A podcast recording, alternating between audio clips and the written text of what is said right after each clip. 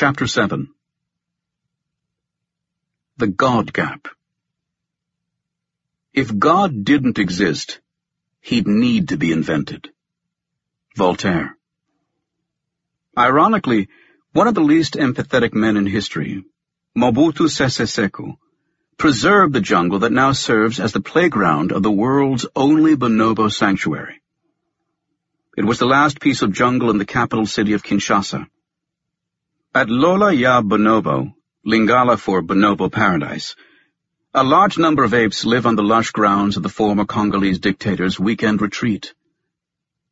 It is here that the man with the leopard skin hat, who extracted anywhere between five and ten billion dollars from this poor nation, feasted on delicacies flown in from Europe while plotting the public hangings of his rivals. The Democratic Republic of the Congo, DRC, is a huge country the size of Western Europe, that encompasses the bonobo's native habitat. The species is gravely endangered, however, with only an estimated 5,000 to 50,000 bonobos left. Even the latter figure is still less than the number of seats in a typical sports stadium.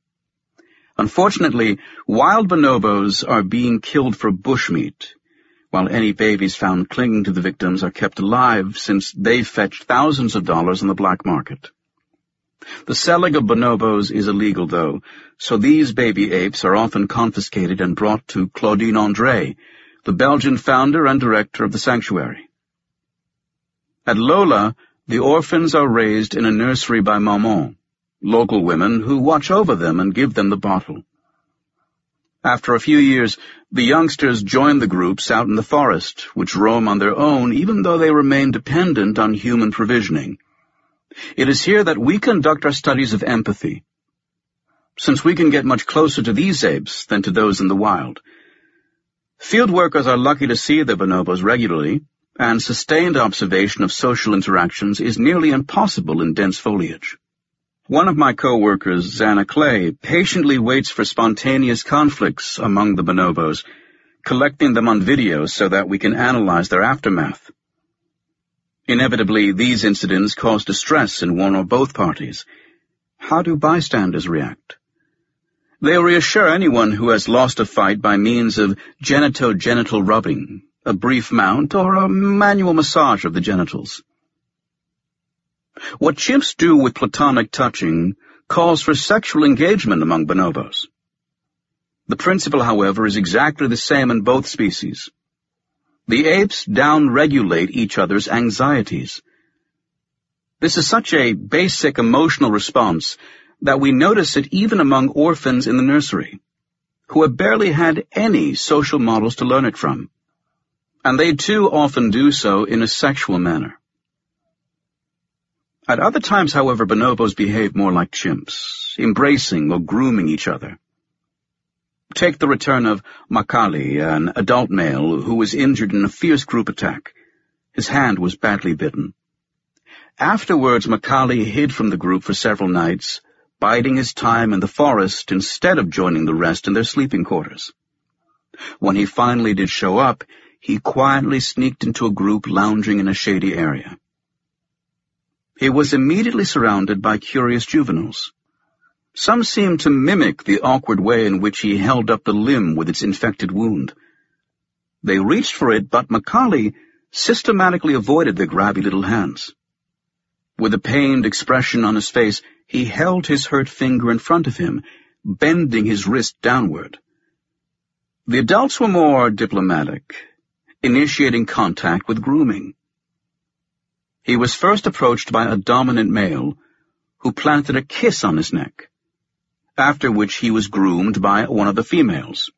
Whereas the juveniles had come up to him in gangs, the adults seemed to await their turn, arriving one by one. The first to handle his injury was the alpha female Maya. She groomed him briefly, then took his hand and carefully licked the open wound. He let her do so. This seemed to mark his acceptance back into the group, leading one of his main attackers to enter the scene.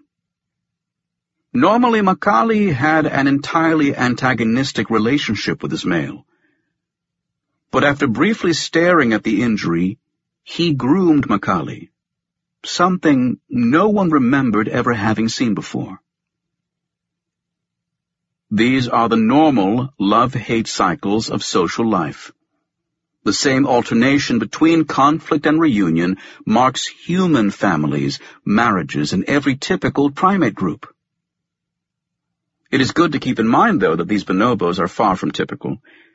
They have suffered unimaginable abuse at the hands of humans, losing their mothers to poacher snares or bullets at a tender age.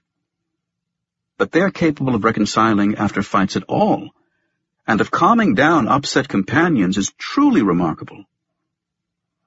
Zanna has noticed that bonobos born in the Lola groups, the apes are allowed to breed and some orphans have become mothers, are far more skilled at conflict resolution and more inclined to show sympathy than their orphaned peers.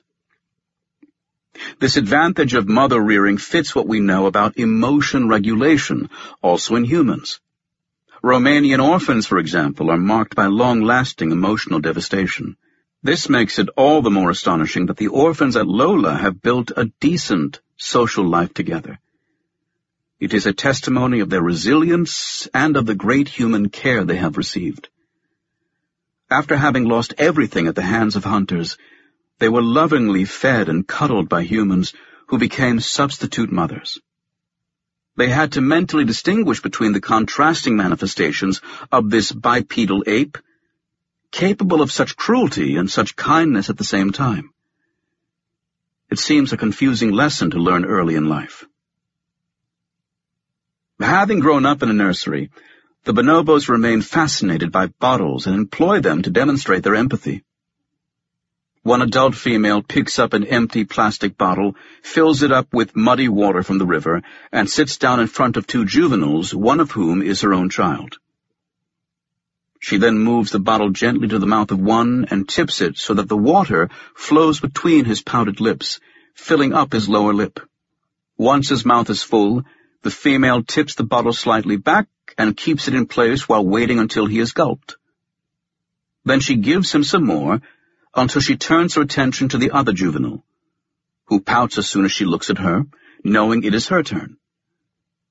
The female puts the bottle near her mouth too and starts over. I have never seen this procedure, full of gentle attention to the other's swallowing abilities, from any other ape.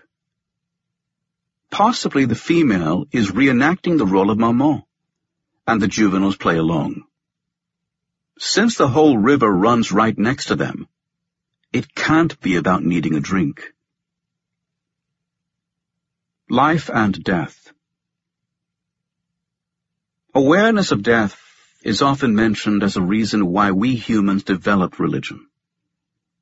Our sense of mortality is mentioned in one breath with the question whether we may be the only ones to have it. I have no clear answer except that when it comes to the mortality of others, there is no reason to assume ignorance in our fellow primates. Like the Lola bonobos, apes are plenty familiar with death and loss. Sometimes they are themselves the killers, as on the day the bonobos dispatched a gaboon viper, a highly poisonous snake. The snake aroused fear. Everyone jumped back at its every move. They carefully poked at it with a stick, until Maya threw it in the air and slammed it against the ground. Strikingly, after the snake had been killed, no one gave any indication of expecting it to come back to life. Dead is dead. The juveniles happily dragged its lifeless corpse around as a toy, slinging it around their necks, even prying open its mouth to study its huge, venomous fangs. The scene reminded me of a chimpanzee hunt I once observed. Following the apes around in the Mahale Mountains in Tanzania, we heard a sudden commotion high up in the trees. Chimpanzees have a special scream when they have captured prey. The existence alone of such a vocalization indicates their willingness to share meat, because otherwise they'd be wiser to stay silent. The screams attracted many others. Several males had caught a red colobus monkey, the sort of prey chimps have trouble capturing on their own. It is usually a team effort. Staring up through layers of branches and leaves, I saw that the hunters were starting to eat while the monkey was still alive. Since chimps are no professional predators, they never evolved the effective killing techniques of the cat family, and, as is also true of humans, their treatment of prey reflects poorly on their empathic capacities. Many chimps gather in a feeding cluster, including females with swollen genitals, who tend to enjoy priority. It was all very noisy and chaotic. But everyone ended up with a piece of monkey meat. The next day I noticed a female chimp walking by with a juvenile jockey riding on her back. Her daughter happily swung something fluffy in the air, which turned out to have belonged to the poor monkey. One primate's tail is another's plaything. One morning, Geza Teleki followed a party of chimps, hearing raucous vocalizations in the distance. Six males were wildly charging about, uttering rah calls that echoed off the valley walls. In a small gully lay the motionless body of Rix, sprawled among the stones. Although Teleki had not seen the body drop, he felt he was witnessing the initial reaction to the snail's neck-breaking fall out of a tree. Several individuals paused to stare at Rix's corpse, after which they vigorously charged away from it, hurling big rocks in all directions. Amid the noise, chimps were embracing, mounting, touching, and patting one another with big, nervous grins on their faces. Later on, the chimps spent considerable time staring at the body. One male leaned down from a limb, watched the body, and whimpered. Others touched or sniffed Rix's remains. An adolescent female gazed at his body without interruption for over an hour, motionless and in silence. After three hours of activity, one of the older males finally left the clearing, walking downstream. Others followed one by one, glancing over their shoulder toward the corpse as they departed. Reports of how apes respond to death are becoming more numerous. In 2009, a photograph went viral of the death of Dorothy, whose corpse aroused intense but eerily silent attention from her sanctuary community. In the Blair Drummond Safari Park in Scotland, the death of an elderly female named Pansy was carefully analyzed from video. In the ten minutes before her death, others groomed or caressed Pansy a dozen times, and Pansy's adult daughter remained with her throughout the night, Reactions to her death ranged from testing her mouth and limbs, perhaps to see whether she was still breathing or able to move, to a male who slammed her body. This behavior has also been seen after other deaths. It comes across as insensitive, but may be a way of trying to rouse the dead. Apes often react with a combination of frustration about the lack of response and testing whether a response can be provoked. Most of the gathering individuals are subdued, however, as if they realize that something terrible has happened. From their observations of Pansy's final hours, the investigators concluded that chimpanzees' awareness of death has been underestimated. An adolescent female, Oortje, literally dropped dead at the Arnhem Zoo.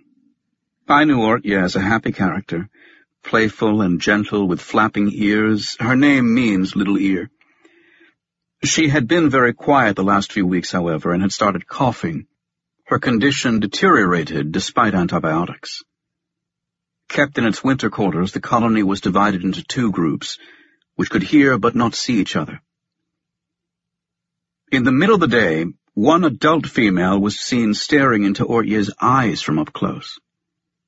Without any apparent reason, this female burst out screaming in a hysterical voice while hitting herself with spasmodic arm movements, as frustrated chimps often do.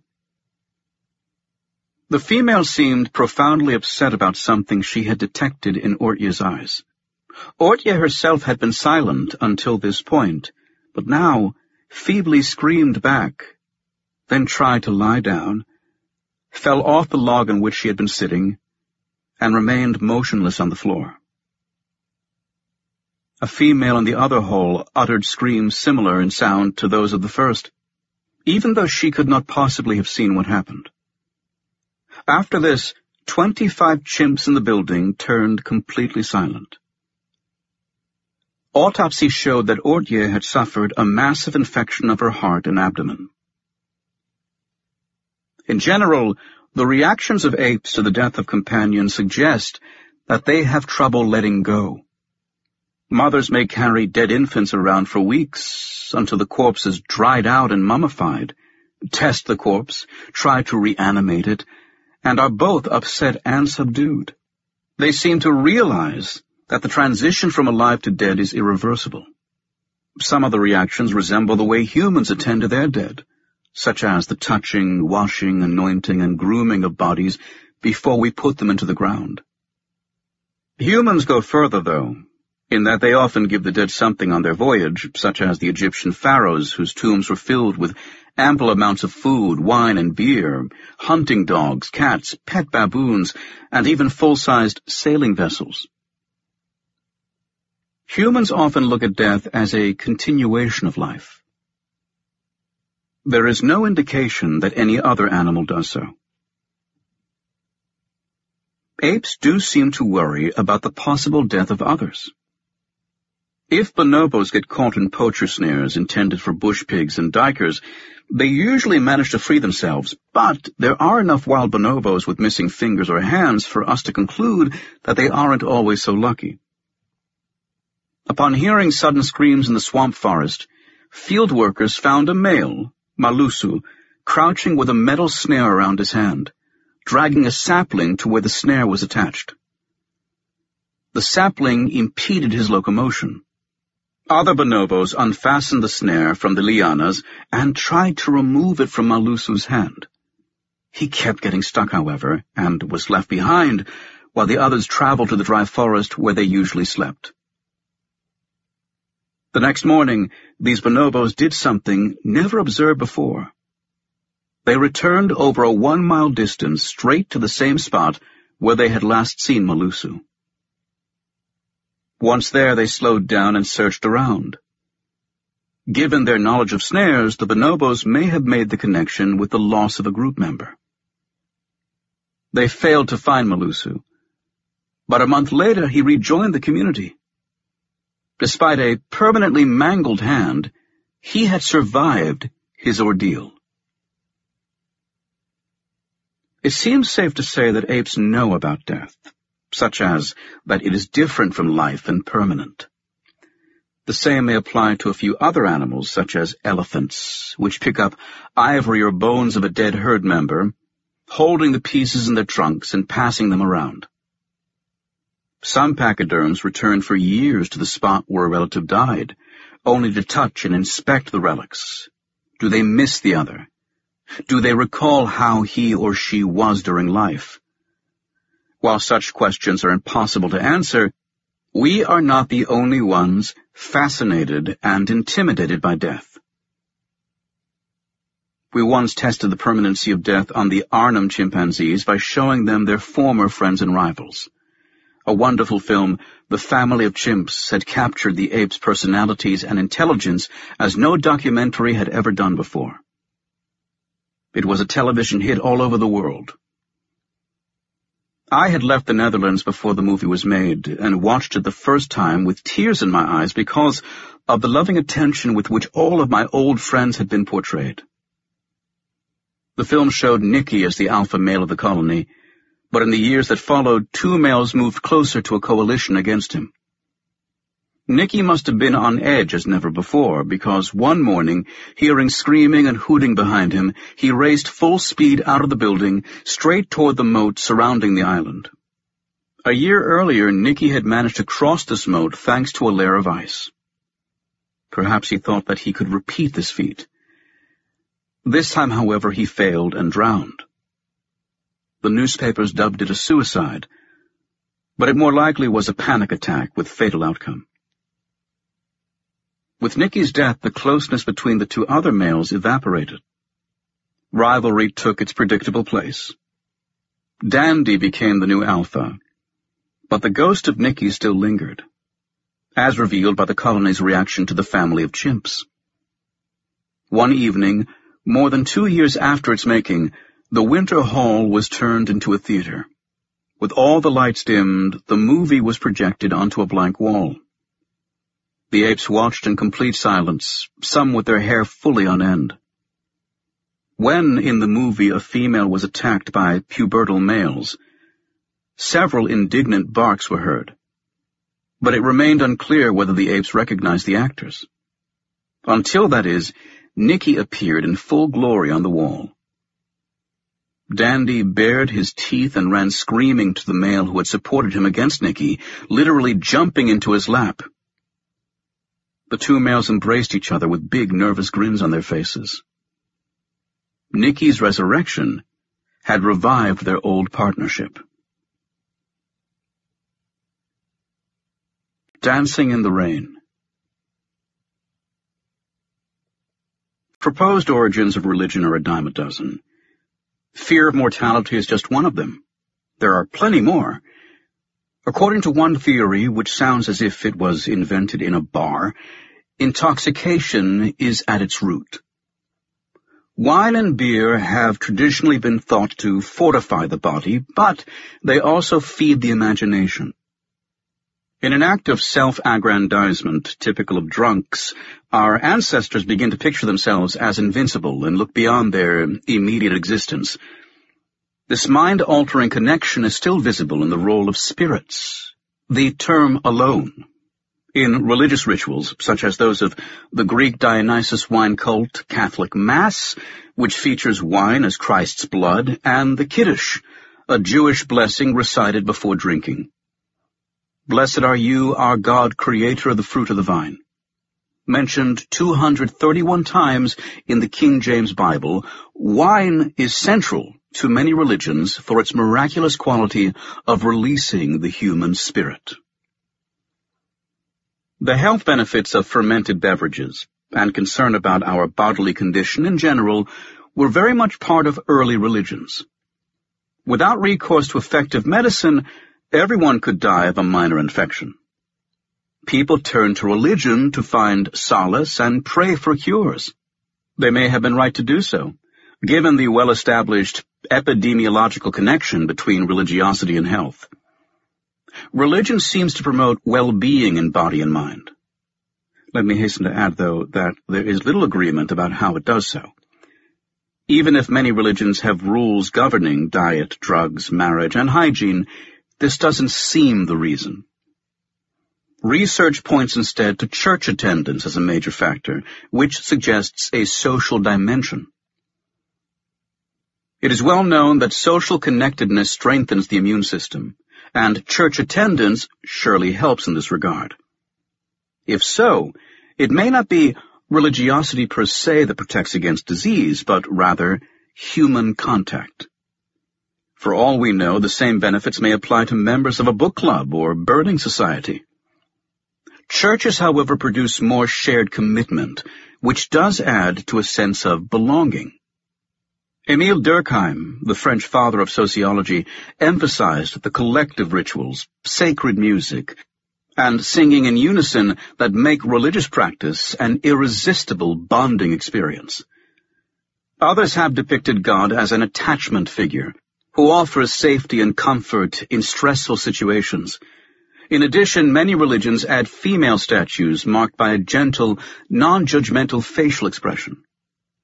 These maternal sources of solace, from Mary in Christianity to Demeter in Greece and Guanyin in China, are designed to lighten our load of sorrow the way mothers do for their children.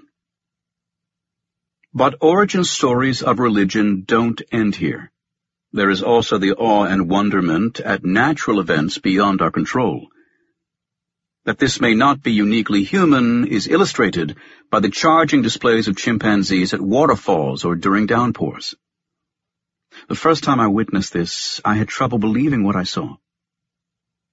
The chimps at the Arnhem Zoo sat around miserably with their rain faces, an expression of disgust with eyebrows pulled down and lower lips stuck out, under the tallest trees, doing their best to stay dry.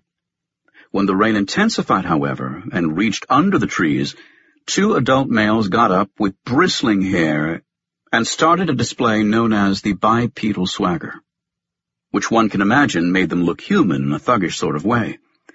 With big, rhythmic, swaying steps, they walked around, leaving their shelter, getting completely wet. They sat down again when the rain eased.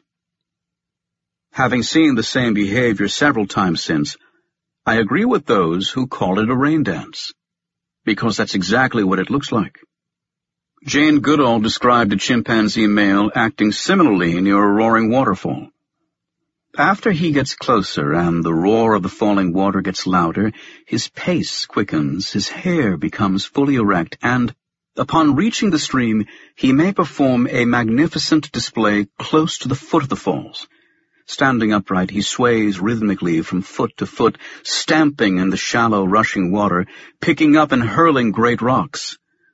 Sometimes he climbs up the slender vines that hang down from the trees high above and swings out into the spray of the falling water.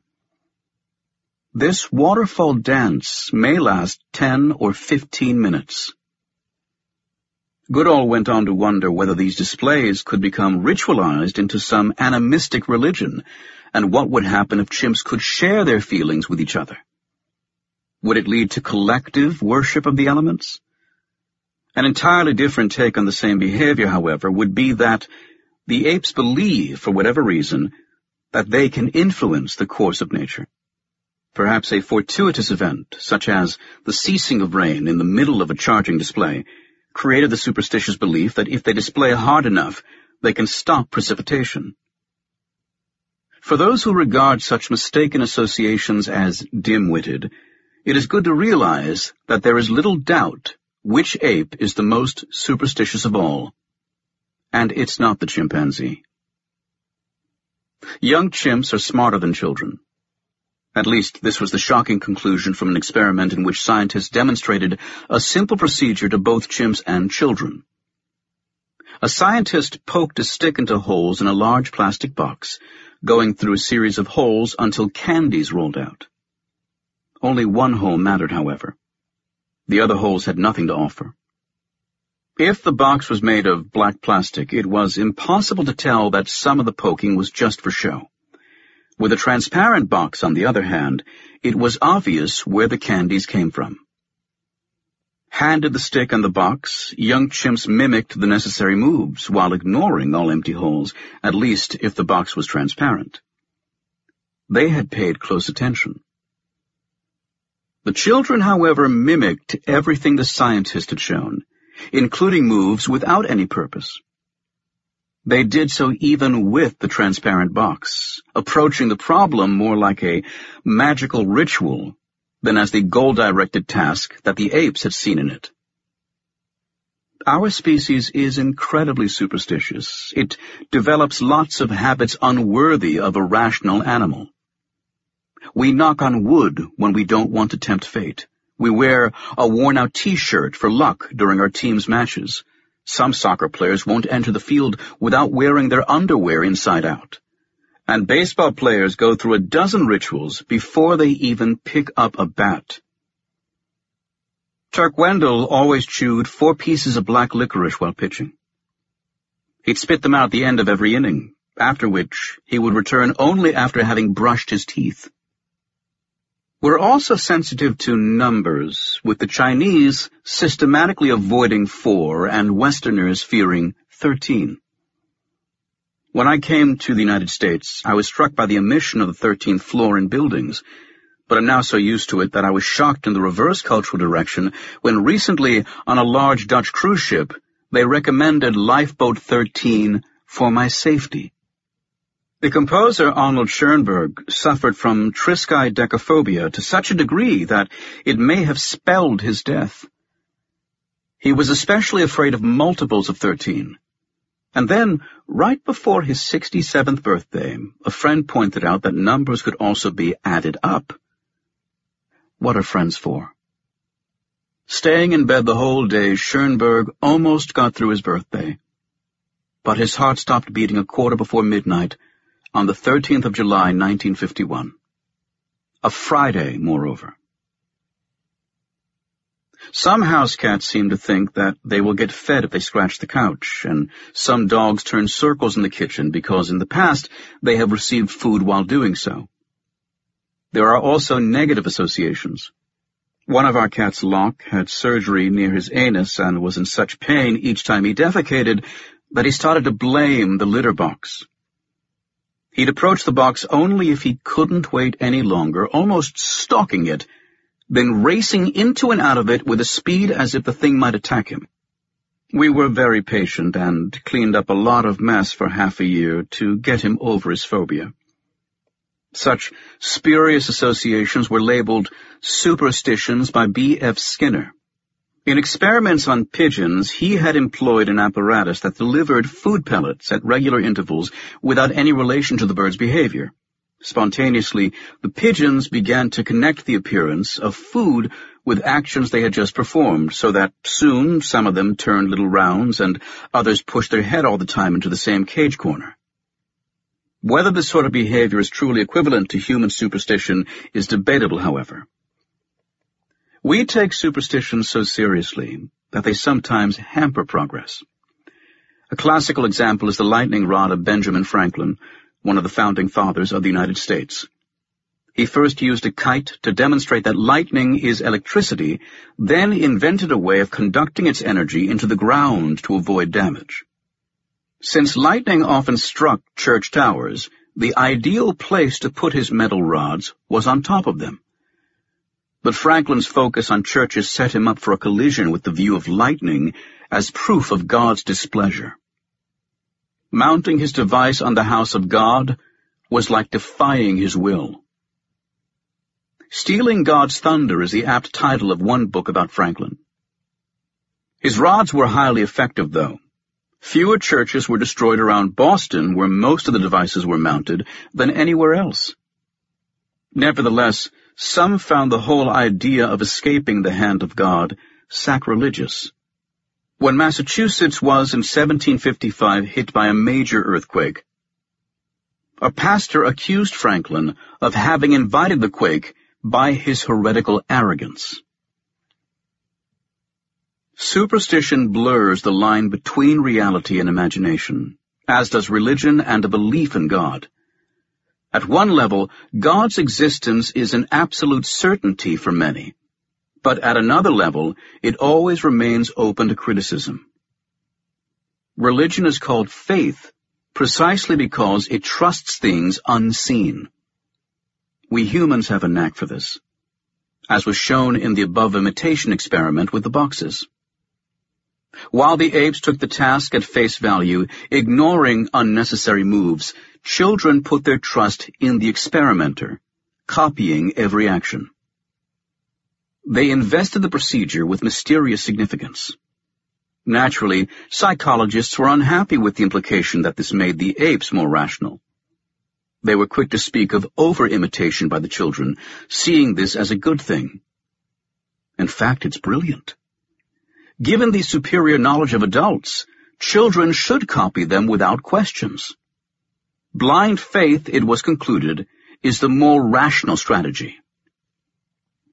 That doesn't mean that imagination and make-believe are out of the question for our primate relatives. There are reports of human-reared apes, such as Washoe, who carefully bathed her doll, and another ape, Vicky, who pretended dragging an imaginary toy around by an imaginary string that she would unhook if it got stuck. I have already mentioned the bonobo female who fed juveniles from a bottle, even though there was no need for it, perhaps imagining she was a maman. In wild chimpanzees, there are observations of care for imaginary young. Richard Wrangham observed a six-year-old juvenile Kakama carry and cradle a small wooden log as if it were a newborn. Kakama did so for hours on end, one time even building a nest in a tree and gently placing the log into it. The field worker was reluctant to draw conclusions from what he had seen, but had to admit it was a young male playing with a doll. Kakama may have been anticipating a sibling, because his mother was pregnant at the time. I myself have seen juvenile chimps act the same, tenderly holding a piece of cloth or a broom.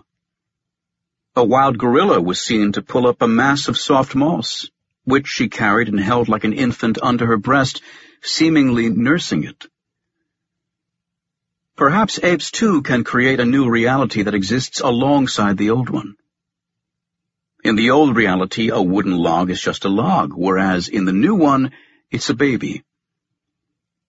The capacity for dual reality is so highly developed in our own species that a sugar pill improves our health even if the nurse takes it out of a bottle with placebo clearly written on it.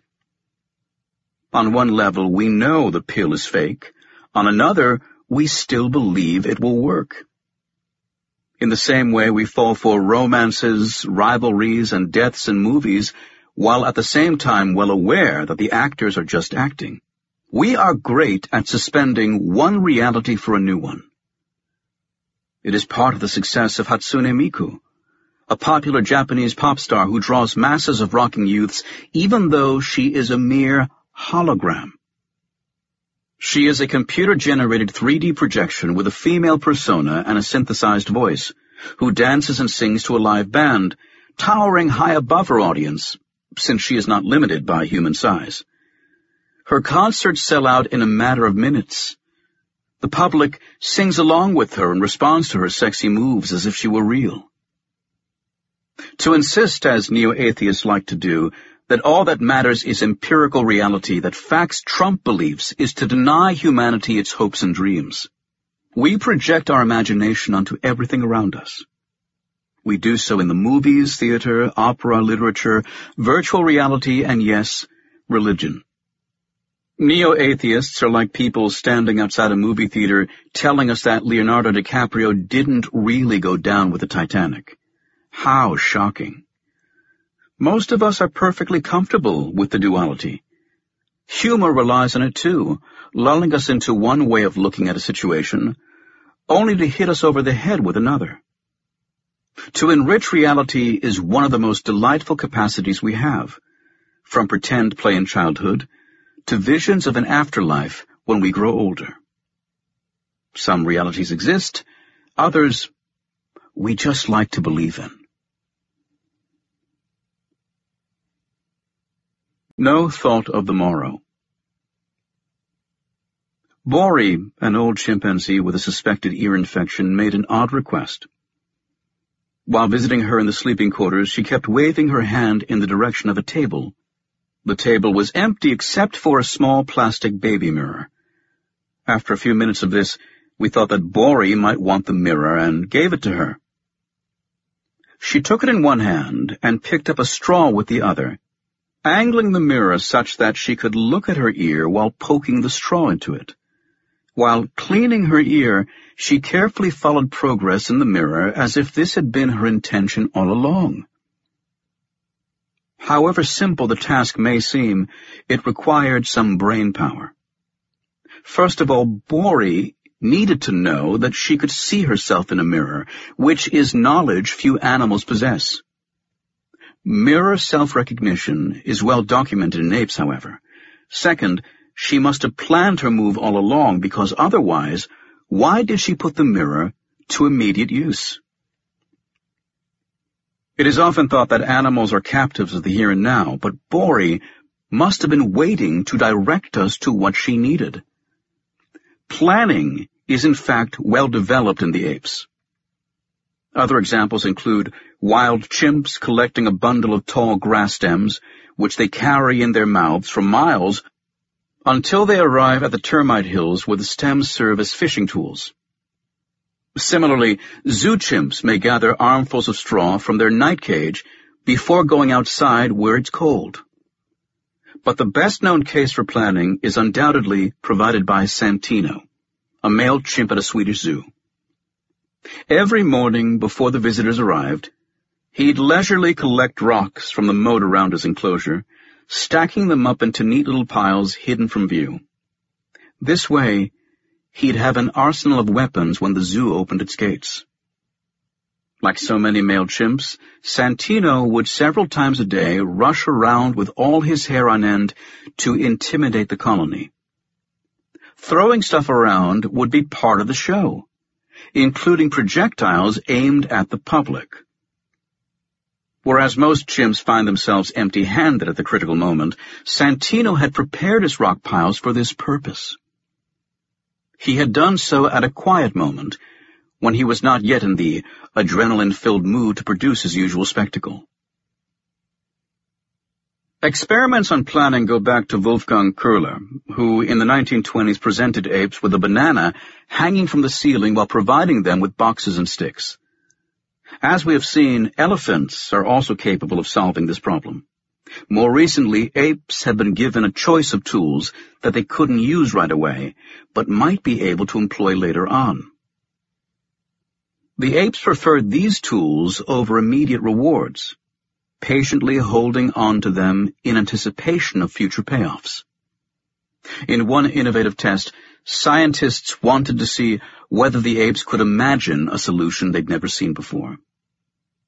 They presented them with a transparent container that was too narrow for the ape to reach into. An unshelled peanut was put at the bottom.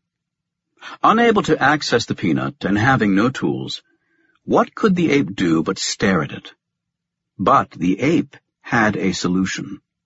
He went to the faucet, collected a mouthful of water, and spit it into the container. One mouthful of water wasn't enough, though, so the ape had to walk several times back and forth between the faucet and the container to be able to retrieve the floating peanut with his fingers. One ape was even more creative, achieving the same goal via urination. Knowledge of the future and awareness of death could potentially combine into a sense of mortality. But even if our primate relatives share some of our imagination and future orientation, it remains unclear whether they ponder their own death. An illustrative case involves Reo, a chimpanzee at the Primate Research Center of Kyoto University. When Reo was in the prime of his life, he became paralyzed from the neck down as the result of a spinal inflammation. He could eat and drink, but couldn't move his body. His weight continued to drop, and he developed extensive bed sores while veterinarians and students cared for him around the clock for six months. Reo recovered, but the most interesting part is how he reacted to his bedridden predicament. One thing very clear to everyone involved in his care was that Reo's attitude to things did not change throughout his period of complete paralysis. He often teased young students by spitting water at them, just as he had done before his illness. His outlook on life was the same after he fell ill as it was before. We did not notice any perceptible change, even as he lay there thin as a rake and covered in sores. Bluntly put, he did not seem worried about his future. He did not become depressive, even though the situation looked to us extremely grave. Our vaunted imagination is like a double-edged sword. On the one hand, it causes desperation in a situation in which an ape might remain unworried, but it also gives hope as it allows us to envision a better future. We look so far ahead, in fact, that we realize that our life will come to an end. This realization thoroughly colors our existence leading to a permanent search for meaning, as well as bitter jokes along the lines of, life's a bitch and then you die. Would we have developed a belief in the supernatural without this cloud hanging over us? A partial answer comes from research showing that the more aware people are of their own mortality, and the more they think about it, the more they believe in God. They feel the rocking of the boat, so to speak, and like most voyagers on stormy seas, appeal to a higher power. But before we conclude that thanatophobia sets us apart, a major qualification is in order. One that I have to think of each time I see Bosch's garden. Most of the time, instead of considering our death, we put thoughts of it on hold. No sane persons literally deny their mortality, of course, but many of us act as if we'll live forever. Bosch's painting presents one giant warning against this illusion. The garden brims with middle-aged singles preoccupied with their little pleasures. With no thought of the morrow, as one expert put it, their only sin, the unawareness of sin. Despite participating in a massive gathering, the naked figures seem lonely and inward-looking, not unlike contemporary teenagers who remain glued to their individual smartphones while moving around in bands. The hedonists of the garden's central panel neither raise children nor produce anything of value. Locked up as they are in their existential cocoons, except for the occasional erotic fling that requires a partner. If this is a paradise of lust, it is one empty of purpose and accomplishments. They appear oblivious to the larger world, including the death and destruction that will inevitably befall them. They act like immortals. We, the viewers, on the other hand, see the horrifying right-hand panel and know what's around the corner. When a radio show invited the Turkish writer Elif Shafak to give us her 60-second idea to change the world, she took her inspiration from the Sufi recommendation to taste death before you die. Buddhism knows the same emphasis, seeing it as liberating to accept your own death. Since the modern world is based on a negation of death, Shafak said, we all need to visit a salon, like a hair salon, where for one hour we taste death, our own death. This will produce a milder heart and a greater appreciation of life, she claimed.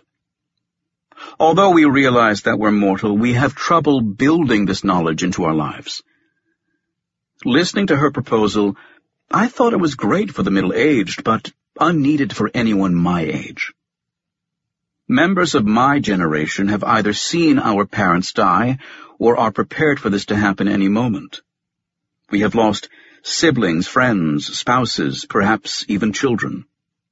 We have friends afflicted with Parkinson's, cancer, Alzheimer's, or some other dreadful disease. The older we get, the more we experience the physical ravages of our own aging, and become acutely aware that our time on earth is limited. Peter Bruegel the Elder made this point as explicitly and morbidly as possible in a single painting. We see wagon loads full of skulls, while people of all backgrounds, from farmers to bishops to noblemen, are taken indiscriminately to the other side. The dead advance on the living like an unstoppable army, herding them into huge traps while fires rage in the distance.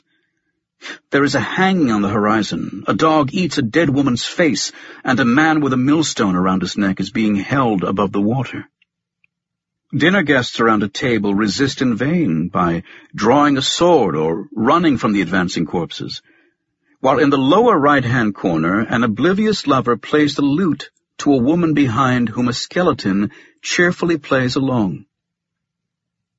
Bruegel's sickening army of death and destruction dates from 1562, half a century after the garden, from which it took its hell-on-earth inspiration. It is appropriately titled The Triumph of Death. The modern equivalent of this painting is the British artist Damien Hirst's display entitled The Physical Impossibility of Death in the Mind of Someone Living. The work presents the body of a tiger shark in formaldehyde in a vitrine. The shark is so large and has such a wide open mouth full of teeth that it brings the prospect of death quite close.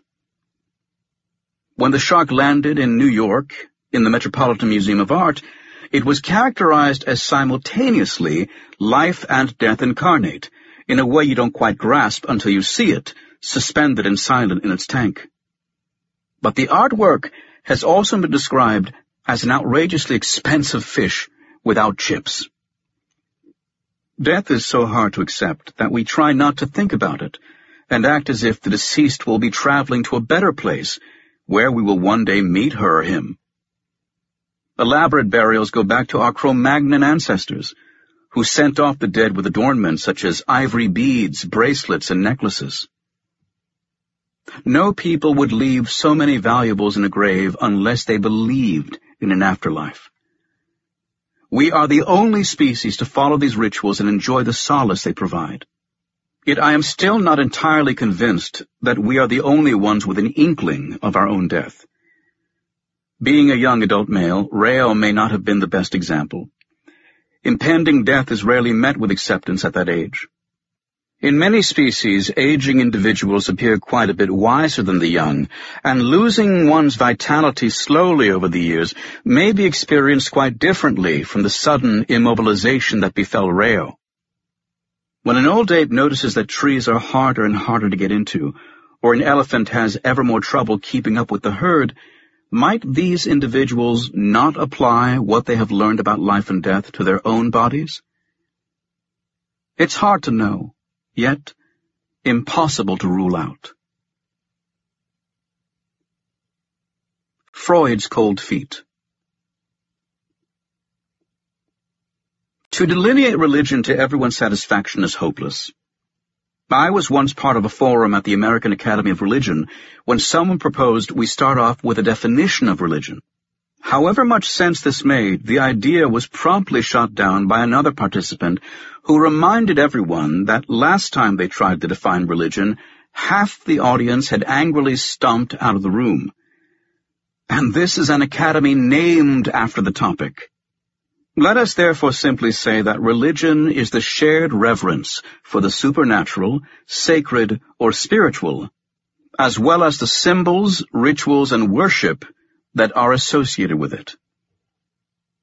This definition lacks a distinction between spirituality and religion, although by insisting on shared reverence, it excludes individual approaches and considers only group phenomena. Thus defined, religion is a human universal. The only exceptions ever mentioned are the Piraha. But the claim that these Brazilian forest people lack religion they have been called an atheist tribe, doesn't survive scrutiny of the original sources. Daniel Everett, the American ex-missionary who lived among the Piraha, explains how these people talk to and dance for spirits. They wear necklaces made from seeds, teeth, feathers, and beer can pull tabs, which are decorative only secondarily, their primary purpose being to ward off the evil spirits that they see almost daily. Not only do they see spirits, they channel them while talking in falsetto voices. The Piraha are so terrified of evil spirits, though, that they refuse to mention them by name. Even after having just channeled them, they deny their presence. I don't know, I didn't see it.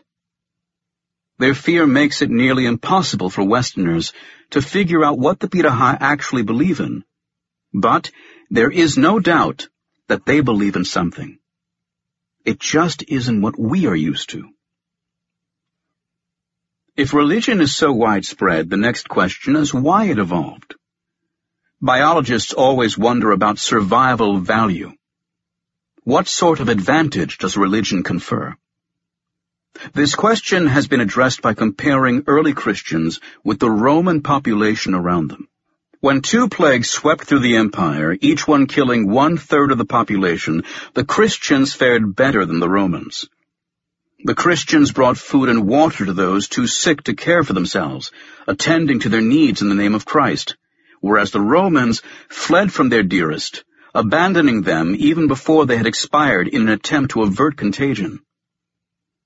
Even though Christians risked contamination, a study of tombstone inscriptions revealed that they enjoyed a higher life expectancy.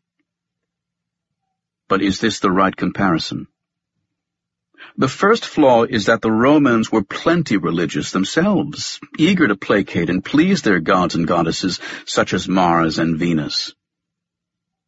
We're therefore not really comparing people with and without religion. The second flaw is that the early Christians were not your typical population, they were a persecuted minority, hence part of a close-knit community fighting a common enemy. This must have given them a common purpose, which may have had beneficial health effects. Unfortunately, trying to pinpoint the success of religion is like asking what good it is to have language. I am sure language has its benefits, but since all humans have one, we simply lack comparison material. With religion, we're in the same boat. The only thing we do know is that attempts to abolish or discourage religion have had disastrous consequences. This was true of Stalin in the Soviet Union, Mao Zedong in Communist China, and Pol Pot in the Cambodian Khmer Rouge, all of whom tortured, killed, and starved millions of their own people. The Khmer Rouge banned all religion, while offering the following chilling slogan to the condemned masses. To keep you is no benefit. To destroy you is no loss. These ideologies didn't produce particularly healthy societies and were a fiasco from a biological standpoint. On the other hand, their anti-religious attitude was part of a larger picture. All three countries had gone through an overthrow of the existing order, which may have required them to curb the power of established religion. I would not necessarily blame their atrocities on atheism per se, therefore. In the same way, killing in the name of God, such as during the Crusades or by the Spanish conquistadores, was often a front for political or colonial ambitions. Columbus's lust for gold matched his love of God. To single out religion as a cause is therefore problematic. The bottom line is that humans are capable of unbelievable cruelty, whether in the name of God or while denying his existence. Perhaps the question can be answered on a smaller scale, as in a study of the longevity of 19th century communities in the United States. Communities based on a secular ideology, such as collectivism, disintegrated much faster than those based on religious principles. For every year that communities lasted, religious ones were four times as likely to survive than their secular counterparts. Sharing a religion dramatically raises trust. We know the huge bonding effect of coordinated practices such as praying together and carrying out the same rituals. This relates to the primate principle that acting together improves relationships, ranging from monkeys preferring human experimenters who imitate them to varsity rowers gaining physical resistance, such as a higher pain threshold, from exercising as a team rather than on their own. Joint action may stimulate endorphin release, as has also been suggested for other bonding mechanisms, such as joint laughter. These positive effects of synchronization help explain the cohesiveness of religions and their effect on social stability. Durkheim dubbed the benefits derived from belonging to a religion its secular utility. He was convinced that something as pervasive and ubiquitous as religion must serve a purpose, not a higher purpose, but a social one. The biologist David Sloan Wilson, who analyzed the data on early Christians, agrees in that he sees religion as an adaptation that permits human groups to function harmoniously. Religions exist primarily for people to achieve together what they cannot achieve alone. Religious community building comes naturally to us. In fact, given how commonly religion is pitted against science, it is good to remember the tremendous advantage religion enjoys. Science is an artificial contrived achievement, whereas religion comes as easily to us as walking or breathing.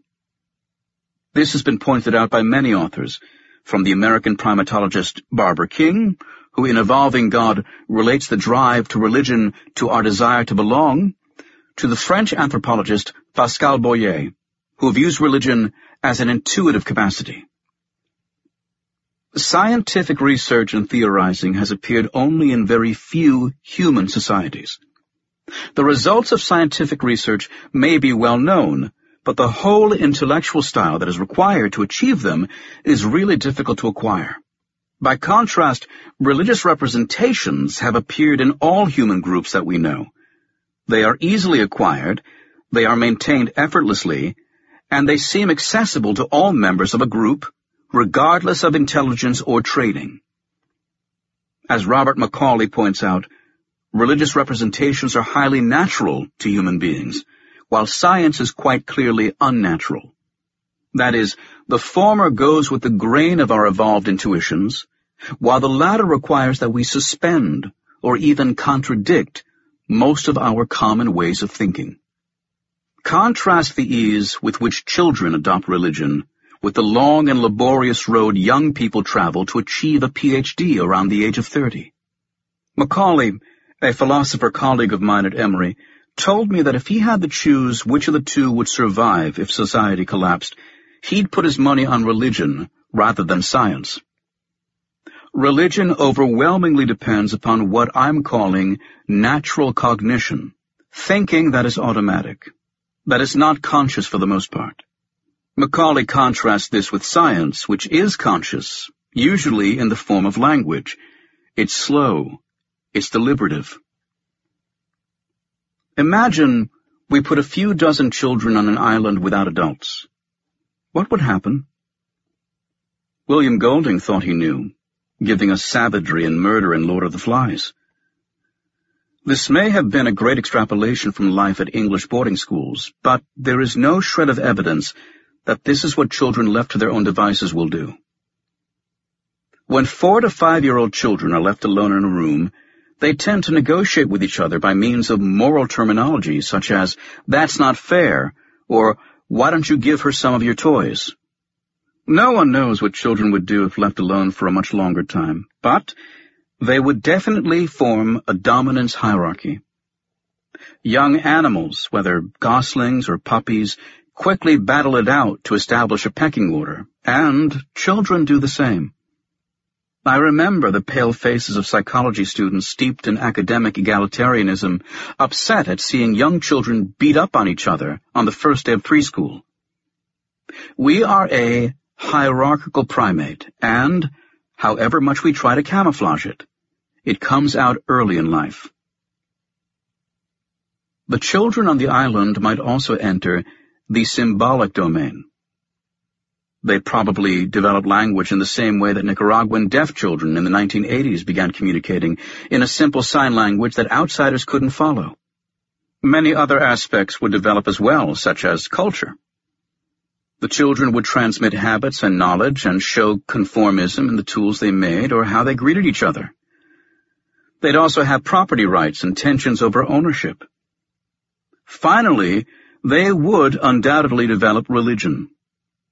We don't know what kind, but they would believe in supernatural forces, perhaps personalized ones like gods, and develop rituals to appease them and bend them to their will. The one thing the children would never develop is science. By all accounts, science is only a few thousand years old, hence, it appeared extremely late in human history. It is a true accomplishment, a critically important one, yet it would be naive to put it on the same level as religion. The war between science and religion is, to put it in biblical terms, one between David and Goliath. Religion has always been with us and is unlikely to ever go away, since it is part of our social skin. Science is rather like a coat that we have recently bought. We always risk losing it or throwing it away. The anti-science forces in society require constant vigilance, given how fragile science is compared with religion. To contrast the two as if they are on equal footing and in competition is a curious misrepresentation explainable only by reducing science and religion to sources of knowledge about the same phenomena. Only then could anyone argue that if one of the two is right, the other must be wrong. When it comes down to knowledge of the physical world, the choice is obvious. I can't fathom why in this day and age, with everyone walking around with laptops and traveling through the air, we still need to defend science. Consider how far biomedical science has come, and how much longer we live as a result. Isn't it obvious that science is a superior way of finding out how things work, where humans come from, or how the universe arose? I am among scientists every day, and there is nothing more addictive than the thrill of discovery. True, plenty of mysteries are left, but science offers the only realistic hope of solving them. Those who present religion as a source of this kind of knowledge and stick to age-old stories despite the avalanche of new information deserve all the scorn they invite. But I also consider this particular collision between science and religion a mere sideshow. Religion is much more than belief. The question is not so much whether religion is true or false, but how it shapes our lives, and what might possibly take its place if we were to get rid of it the way an Aztec priest rips the beating heart out of a virgin. What could fill the gaping hole and take over the removed organ's functions? I once saw an off-Broadway play entitled Freud's Last Session, in which the coughing and cigar-smoking psychoanalyst confronted C.S. Lewis, who had become a devout Christian, challenging the younger man's convictions. It was a dazzling display of skepticism which made my subsequent reading of the real Freud a bit sobering. Even though Freud dismissed religion in no uncertain terms as a human creation and a mere illusion, he was unwilling to recommend its abandonment. Freud waited until the end of the future of an illusion to let us feel the coldness of his feet. If you wish to expel religion from our European civilization, you can only do it through another system of doctrines. And from the outset, this would take over all the psychological characteristics of religion, the same sanctity, rigidity, and intolerance, the same prohibition of thought and self-defense. Was not the entire communist experiment an attempt at a godless society, and did it not follow Freud's predictions to the letter? With its sing-alongs, marching, reciting of pledges, and waving in the air of little red books, the movement deliberately mimicked religion. Dogmatism, rigidity, and unholy fervor were on full display, and grew with the decades, until communism collapsed under its own weight and lack of success. Having witnessed the early stages of this experiment, Freud may have guessed its futility. Another curious attempt at going godless took place in 1793, when the altar in the Notre Dame Cathedral was replaced with a model mountain on top of which stood a temple dedicated to philosophy. Next to it burned the torch of truth, the cult of reason abolished Sunday as the seventh day of rest, replacing it with the tenth day, secularized the names of all saints' days, and squashed any hope of an afterlife by printing Death is an eternal sleep above the gates of cemeteries. The cult had its own goddess, a classically dressed lady who was carried through the streets of Paris followed by a throng of palm leaf waving acolytes. The procession brought her to the mountain in the cathedral, where she was seated between the busts of Voltaire and Rousseau. The cult ended abruptly when its leaders were executed by Maximilien Robespierre. Robespierre then started his own cult of the Supreme Being, with himself as high priest. Immortality of the soul was quickly reinstated, which was a good thing, given how many innocents Robespierre sent to the guillotine. This cult too enjoyed only a short life, as short as that of its high priest. Freud put his finger on an eternal pendulum swing in Western thought, which for centuries had moved back and forth between the mockery of religion as irrational and an opium of the people, as Karl Marx put it, followed by concern about what would happen if we were to erase it from our lives. The neo-atheists have by now rehashed all of the arguments amassed over the centuries against religion. Hitchens showed himself a true Marxist with his religion poisons everything, while Harris took over the Parisian torch of truth by yearning for a religion of reason. And Dawkins's delusion hardly improves upon Freud's illusion. Inevitably, however, we are now entering the cold feet phase of the cycle. Apart from the question whether we'd even be capable of the self-amputation that atheists call for, the deeper issue is how to fill the God-sized vacuum if we succeed. Alain de Botton is an atheist who grudgingly admires religion for its understanding of universal human needs and weaknesses, while Philip Kitcher urges atheists and agnostics to go beyond disbelief. Criticizing religion is facile, Kitcher says, but any thinking human being about to join the atheist movement would want to know what it is for, rather than what it is against. Each of us needs an account of ourselves and what is valuable, something towards which we can steer and by which we can live. Secular thought shies away from the traditional question raised by the Greeks at the dawn of philosophy of what makes human lives, finite though they are, significant and worthwhile. No advocacy of disbelief, however eloquent, will work the secular revolution until these facts are acknowledged. The temporary eradication of superstition, unaccompanied by attention to the functions religion serves, creates a vacuum into which the crudest forms of literalist mythology can easily intrude themselves. A watchful eye. On a recent visit to Vancouver, the Canadian psychologist Ara Norenzayan gave me the title of his new book, which I promptly wrote down as Big Dogs. I may be slightly dyslexic, or perhaps it was a Freudian slip, my mind being more with animals than people. Ara had said, big gods. He studies the role of religion in everyday life. One experiment investigated how priming people with religious thoughts affected generosity. Priming is the planting of an unconscious bias, hereby letting subjects correct the grammar of a few sentences that included words like God, prophet, and divine.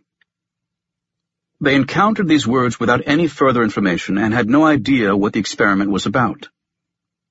After this, each subject found ten one-dollar coins on a table with the instructions to take as many as they liked, knowing that what they left behind would go to the next person. The outcome was spectacular. Unprimed subjects left on average only $1.84 for the other. But those primed with thoughts of God and religion left $4.22. About two-thirds of the primed group left more than half the coins behind. Curiously, religiosity didn't seem to matter much. Asked about their religion, about half the subjects answered none. Yet many of those performed like the rest. How to explain this effect? The thinking is that in large-scale societies like ours, there is a need for supervision, imagined or real, to ensure a high level of cooperation. It is far too easy to get away with freeloading in an anonymous mass. The study participants probably conjured up a watching God in their heads who approves of kindness and frowns upon cheating. Watched people are nice people, explained Ara. This could also account for the Sunday effect on devout Christians, who on Sundays donate more money to good causes and watch less porno on the Internet. Having a supernatural supervisor may be a recent phenomenon, however, because during our prehistory we didn't really need one, in small groups, similar to primate groups, everyone knew everyone.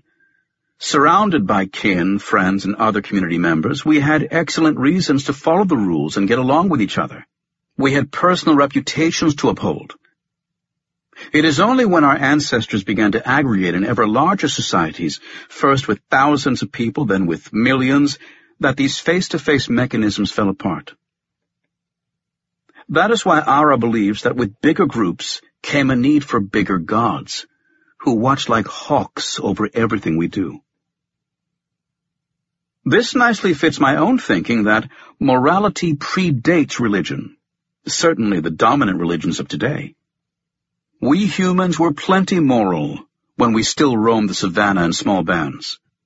Only when the scale of society began to grow and rules of reciprocity and reputation began to falter did a moralizing God become necessary. In this view, it wasn't God who introduced us to morality, rather it was the other way around.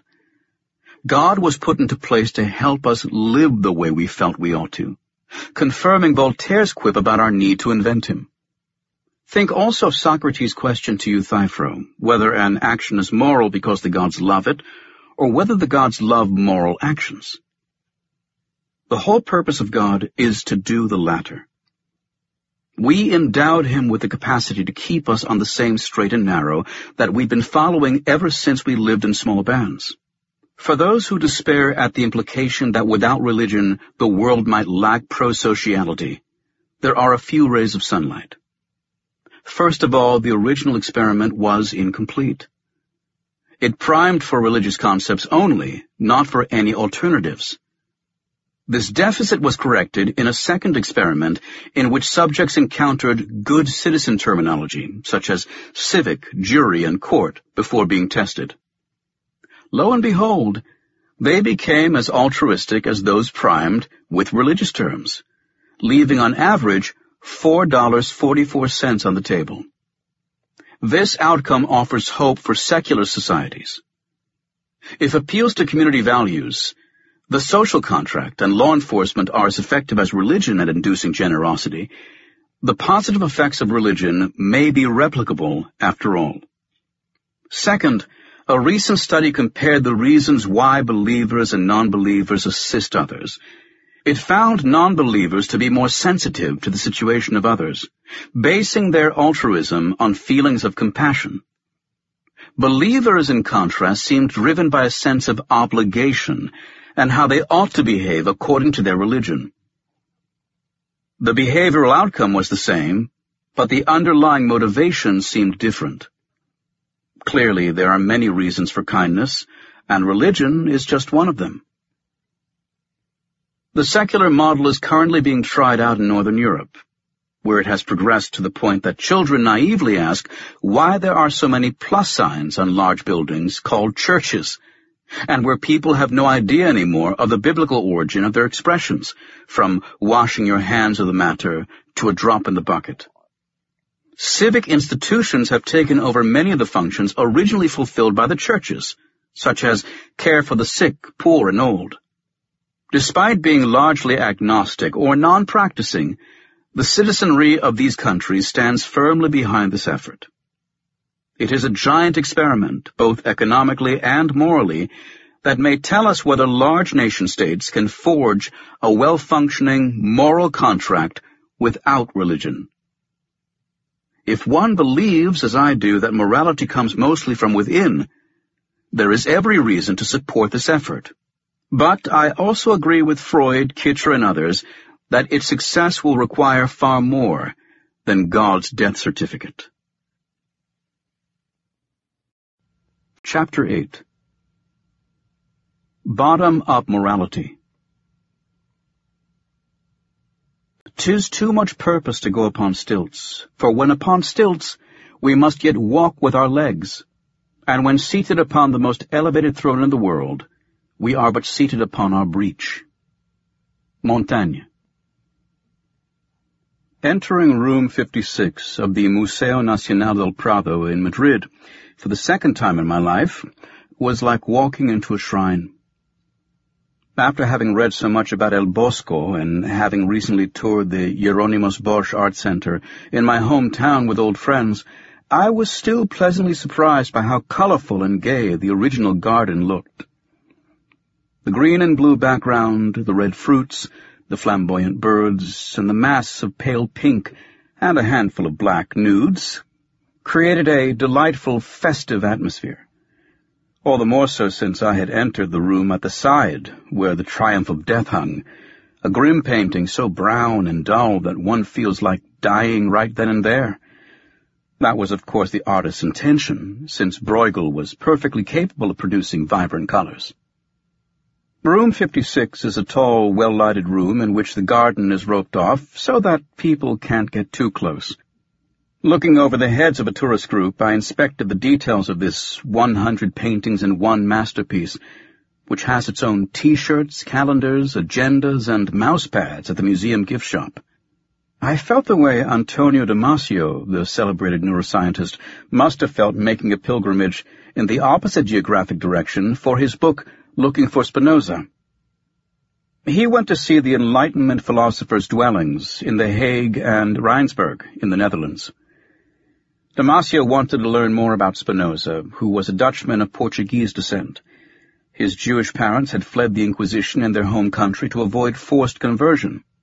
Born Portuguese himself, Damasio naturally related to Spinoza, whom he contrasted with that other philosopher, Kant, by saying that whereas Kant wished to combat the perils of passion with reason, Spinoza considered passion the engine of his thinking. Damasio portrayed Spinoza as one of the most biologically oriented philosophers, while lamenting the disparagement of his approach because of his skepticism about the Abrahamic God. In much the same way I visited the Prado to find Bosch's oeuvre in exile, feeling that the painter still has much to tell us about the question of moral origins and religion's role therein, even though Bosch too is rarely given his due.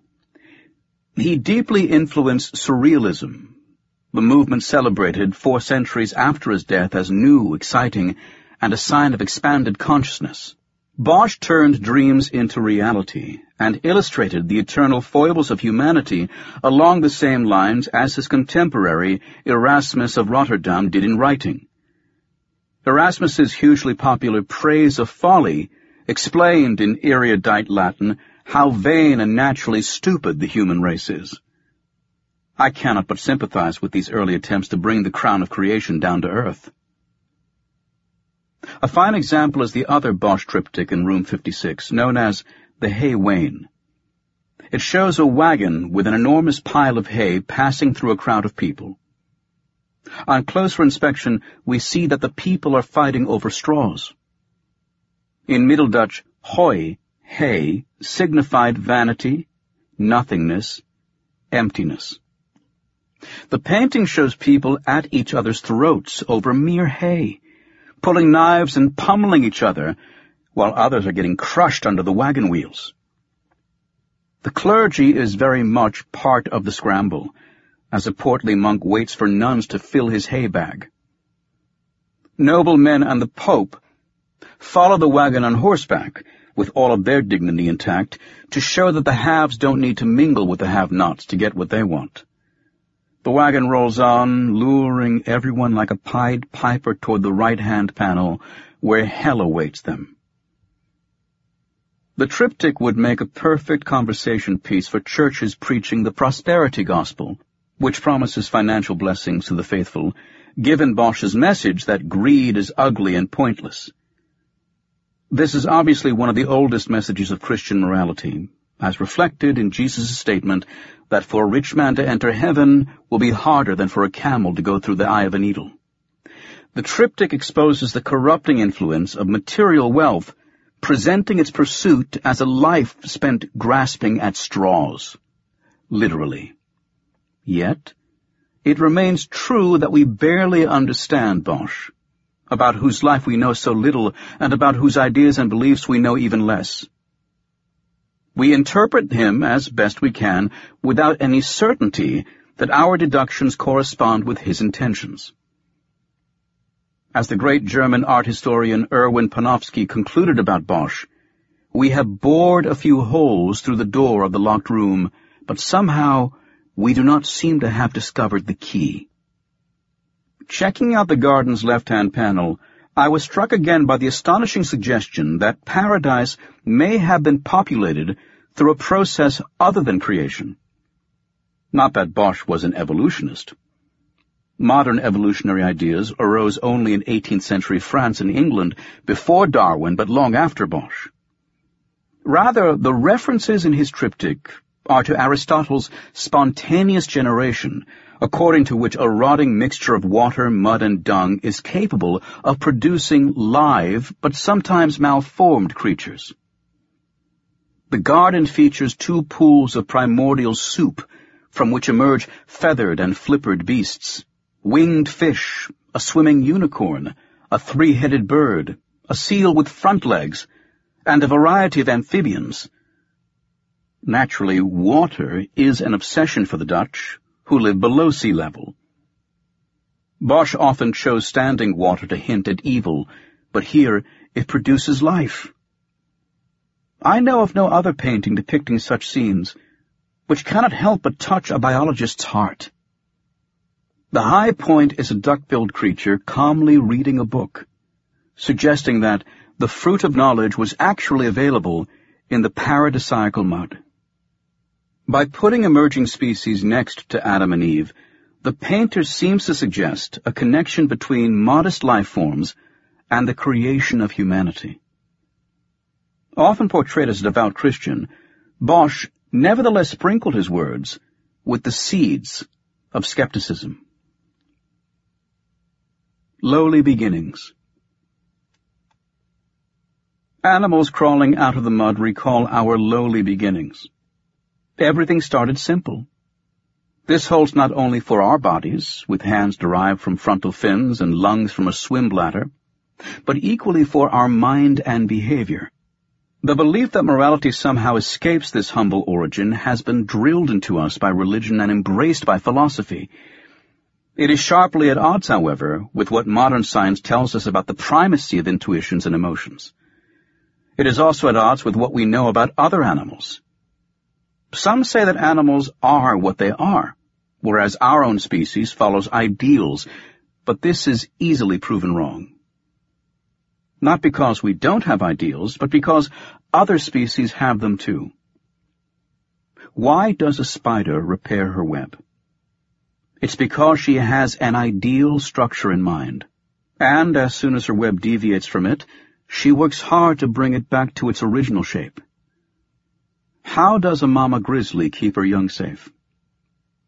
Anybody moving between a sow and her cubs will discover that she has an ideal configuration in mind, which she doesn't like to be messed with. The animal world is full of repair and correction, from disturbed beaver dams and ant hills to territorial defense and rank maintenance. Failing to obey the hierarchy a subordinate monkey upsets the accepted order, and all hell breaks loose. Corrections are, by definition, normative. They reflect how animals feel things ought to be. Most pertinent for morality, which is also normative, social mammals strive for harmonious relationships. They are at pains to avoid conflict whenever they can. The gladiatorial view of nature is plainly wrong. In one field experiment, two fully grown male baboons refused to touch a peanut thrown between them, even though they both saw it land at their feet. Hans Kummer, the Swiss primatologist who worked all his life with wild Hamadryas baboons, describes how two harem leaders, finding themselves in a fruit tree too small to feed both of their families, broke off their inevitable confrontation by literally running away from each other. They were followed by their respective females and offspring, leaving the fruit unpicked. Given the huge, slashing canine teeth of a baboon, few resources are worth a fight. Chimp males face the same dilemma. From my office window, I often see several of them hang around a female with swollen genitals. Rather than competing, these males are trying to keep the peace. Frequently glancing at the female, they spend their day grooming each other. Only when everyone is sufficiently relaxed will one of them try to mate. If fighting does break out, primates react the way the spider does to a torn web. They go into repair mode. Reconciliation is driven by the importance of social relationships. Studies on a great variety of species show that the closer two individuals are, and the more they do together, the more likely they are to make up after aggression. Their behavior reflects awareness of the value of friendships and family bonds. This often requires them to overcome fear or suppress aggression. If it weren't for the need to bury the hatchet, it wouldn't make any sense for apes to kiss and embrace former opponents. The smart thing to do would be to stay away from them. This brings me back to my bottom-up view of morality. The moral law is not imposed from above or derived from well-reasoned principles. Rather, it arises from ingrained values that have been there since the beginning of time. The most fundamental one derives from the survival value of group life. The desire to belong, to get along, to love and be loved prompts us to do everything in our power to stay on good terms with those on whom we depend. Other social primates share this value and rely on the same filter between emotion and action to reach a mutually agreeable modus vivendi. We see this filter at work when chimpanzee males suppress a brawl over a female, or when baboon males act as if they fail to notice a peanut. It all comes down to inhibitions. Tara, the youngest female in our chimpanzee colony, had a naughty habit that drives the older ladies crazy. She sometimes finds a dead rat in the outdoor compound or digs one out of an abandoned hole. She then carries the corpse around by its tail, careful to keep it away from her body, and sneakily places it on the back or head of a sleeping groupmate. Her victim jumps up as soon as she feels or smells the dead rat, loudly screaming and wildly shaking her body to get this ugly thing off of her. She may even rub the spot on her body with a fistful of grass to make sure the smell is gone. Tara is quick to pick up a rat and go to her next target. What is most remarkable is the total lack of punishment. Her victims are highly upset, and Tara is at the bottom of the totem pole. Yet she faces no consequences. She takes advantage of the extreme patience adults grant the young. Emotional control comes in handy in life or death situations such as the one described to me by Alan Schmidt, a lead caretaker at the Taronga Zoo in Sydney. They have one of the world's nicest chimpanzee exhibits, in which two-year-old Sembe one day got herself entangled in a rope loop. Naturally, Sembe freaked out, and her screams quickly brought her mother, Sheba, to her aid. Sheba managed to disentangle the loop from Sembe, and then took her daughter down to the ground to hold and comfort her. Once Sembe was reassured, Sheba climbed back up the rope and bit the offending loop, cutting it off as to lessen future danger. Think about what it takes to free an infant from a deadly rope. The first impulse is no doubt to pull at the rope or the infant, which would surely make things worse. Instead, the mother provided the right assistance by loosening the loop, thus showing her understanding of its danger. The same understanding explains her subsequent safety measure. We are mammals, a group of animals marked by sensitivity to each other's emotions. Even though I tend to favor primate examples, much of what I describe applies equally to other mammals. Take the work by the American zoologist Marc Bekoff, who analyzed videos of playing dogs, wolves, and coyotes. He concluded that canid play is subject to rules, builds trust, requires consideration of the other, and teaches the young how to behave. The highly stereotypical play bow, an animal crouches deep on her forelimbs while lifting her rear in the air, helps to set apart from sex or conflict, with which it risks getting confused. Play ceases abruptly, though, as soon as one partner misbehaves or accidentally hurts the other. The transgressor apologizes by performing a new play bow, which may prompt the other to forgive the offense and continue to play. Role reversals make play even more exciting, such as when a dominant pack member rolls onto his back for a puppy, thus exposing his belly in an act of submission. This way, he lets the little one win, something he'd never permit in real life. Bekoff, too, sees a relation with morality. During social play, while individuals are having fun in a relatively safe environment, they learn ground rules that are acceptable to others, how hard they can bite, how roughly they can interact, and how to resolve conflicts. There is a premium on playing fairly and trusting others to do so as well. There are codes of social conduct that regulate what is permissible and what is not permissible and the existence of these codes might have something to say about the evolution of morality. For Bekoff, fair play refers to the way a dog ought to behave in order to be a good playmate. A big dog chasing a small one needs to pull its punches, and all dogs need to control their bite. These rules constitute what I have called one-on-one morality. But there is another way fairness comes into play, which concerns the division of resources. Even though all sorts of lofty principles regarding distributive justice have been formulated, the underlying emotions are, again, more basic than generally assumed. After all, even young children throw a fit if they get a smaller pizza slice than their siblings, shouting, that's not fair. They show first-order fairness which is resentment at getting less than somebody else. Absent this emotion, why should anyone care about how things are divided? The egalitarianism of hunter-gatherers suggests a long evolutionary history to our preoccupation with resource division. Hunters aren't even allowed to carve up their own kill, in order to prevent them from favoring family and friends. Anthropologists have played the ultimatum game across the globe and found humans everywhere to care about equity. The ultimatum game consists of two players dividing a sum between them. Only if both accept the split, however, will they get the money.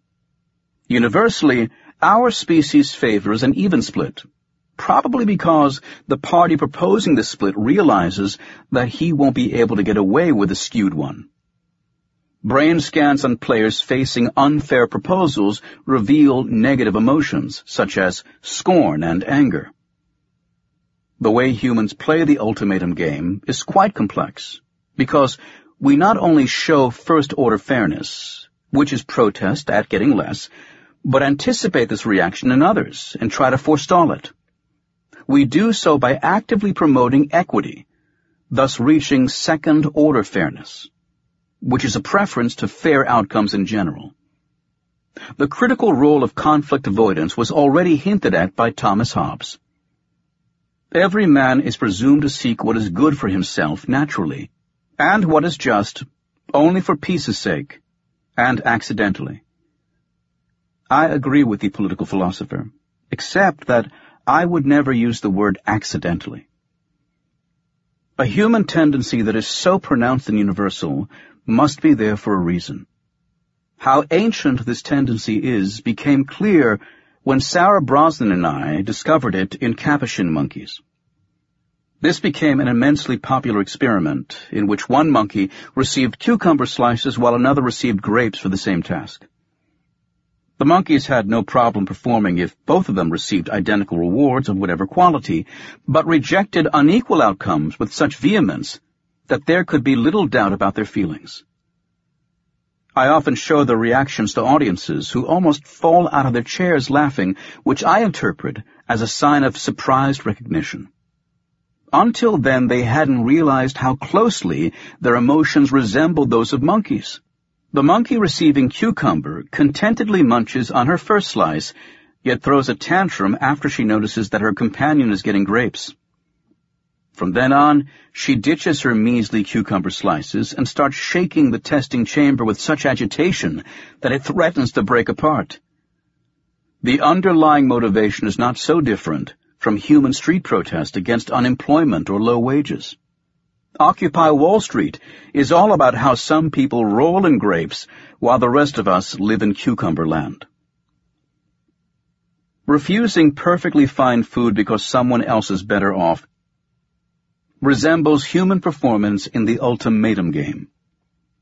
Economists call this response irrational, given that something is always better than nothing. No monkey, they say, should refuse food she'd otherwise eat, and no human should reject any offers, however small. Money is money. If these reactions are irrational, however, it is an irrationality that transcends species.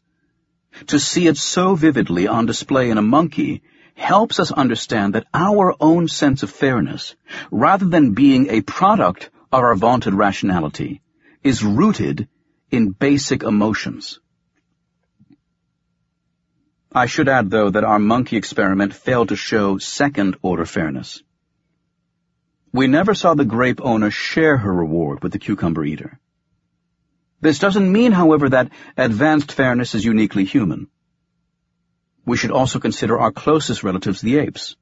First of all, apes regularly resolve conflicts over food that is not theirs. I once saw an adolescent female interrupt a quarrel between two juveniles over a leafy branch. She took the branch away from them, broke it into two, then handed each a part. Did she just want to stop the fight, or did she understand something about distribution? High-ranking males too often break up fights without taking any of the food that caused them. There's also the observation of Panbanisha, a bonobo, worried about being privileged. While being tested in a cognition laboratory, Panbanisha received large amounts of milk and raisins, but felt the envious eyes of her friends and family on her from a distance. After a while, she refused all rewards. Looking at the experimenter, she kept gesturing to the others until they too got some of the goodies. Only then did she finish hers. Apes have the ability to think ahead, and had Panbanisha publicly eaten her fill, there might have been negative repercussions when she rejoined the others later in the day. The most convincing evidence for second-order fairness, however, comes from Sarah's studies on chimpanzees. After we had carried out all of the additional tests that critics had asked for to prove that monkeys do indeed care about inequity, Sarah set up a large-scale chimpanzee project. We had discovered that sensitivity to fairness works only in combination with effort, just feeding primates unequally doesn't prompt any negative response. Rather, the food needs to serve as a payment for work. With this in mind, chimpanzees were rewarded with grapes and carrot pieces for a simple task, with grapes again being the favored food. As expected, carrot owners refused to perform or discarded their food if their partner received grapes. So far, the results confirmed the monkey work. But no one had anticipated that grape owners, too, would be upset. As Sarah wrote in her report, we unexpectedly found that chimpanzees were more likely to refuse a high-value grape when the other chimpanzee got a lower-value carrot than when the other chimpanzee also received a grape. Fairness and justice are therefore best looked at as ancient capacities. They derive from the need to preserve harmony in the face of resource competition. We share both stages of fairness with the apes, and the first stage with monkeys and dogs. At the University of Vienna, Friederike Range found that dogs refuse to lift their paws for a shake with a human if they get nothing for it while a companion dog is rewarded. We shouldn't be surprised to find this reaction in dogs, which derive from a long line of cooperative animals. Caring about what others get may seem petty, but in the long run, it keeps one from getting duped. To call this response irrational misses the mark. If you and I often hunt together, and you always take the best chunks of meat, I will need a different hunting buddy. It is probably no accident that all three animal species that dislike inequity, chimps, capuchins, and canids, are fond of meat and hunt in groups. Sensitivity to reward distribution helps ensure payoffs in line with effort, which is critical for sustained cooperation. This brings me to next level of morality, the one where we leave the other primates behind. We care intensely about the group level and develop notions of right and wrong for everyone around, not just ourselves and our close relations.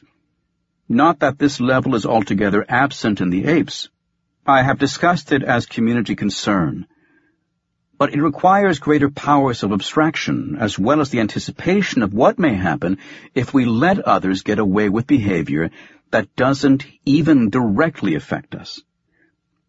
We have the capacity to imagine its impact on the greater good.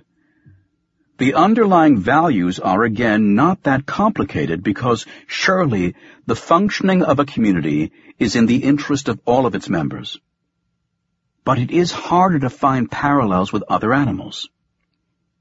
We build reputations of honesty and trustworthiness and disapprove of cheaters and non-cooperators to the point of ostracizing them. Our goal is to keep everyone in line, putting collective interests before selfish ones. Morality serves to spread the benefits of group life around, and to keep a lid on exploitation by a powerful elite. Here, I am following the traditional view in biology, going back to Darwin, of morality as an in-group phenomenon. As Christopher Boehm has summarized it, our moral codes apply fully only within the group, be it a language group, a non-literate population that shares the same piece of real estate, or the same ethnic identity, or a nation there seems to be a special pejorative moral discount applied to cultural strangers, who often are not even considered to be fully human. But even if there can be little doubt that morality evolved for within-group reasons, Without much consideration for humanity at large, this is not necessarily how it needs to be. Nowadays, we desperately try to move beyond moral parochialism and apply what we have learned about a dignified human life to the wider world, including strangers, even enemies. That enemies have rights too is a novel notion. The Geneva Convention on Prisoners of War stems only from 1929. The more we expand morality's reach, the more we need to rely on our intellect. Because even though I believe that morality is firmly rooted in the emotions, biology has barely prepared us for rights and obligations on the scale of the modern world. We evolved as group animals, not global citizens. Nevertheless, we are well underway to reflect on these issues, such as universal human rights, and there is no reason to take the naturalized ethics advocated in this book as a prison from which we can't escape. It offers an account of how we got to where we are. But we humans have a long history of building new structures on top of old foundations. The Bonobo and the Atheist What would a bonobo tell an atheist? I have met the world's most language-proficient bonobo, Kanzi, who used to live in Atlanta together with his younger sister, Panbanisha.